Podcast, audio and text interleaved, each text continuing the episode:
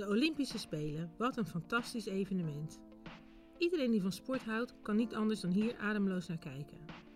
Wat mij altijd zo interesseert is het verhaal achter die sporters. Wie zijn ze, waar komen ze vandaan en hoe zijn ze zo ver gekomen? Wie kan dat nou beter vertellen dan hun ouders?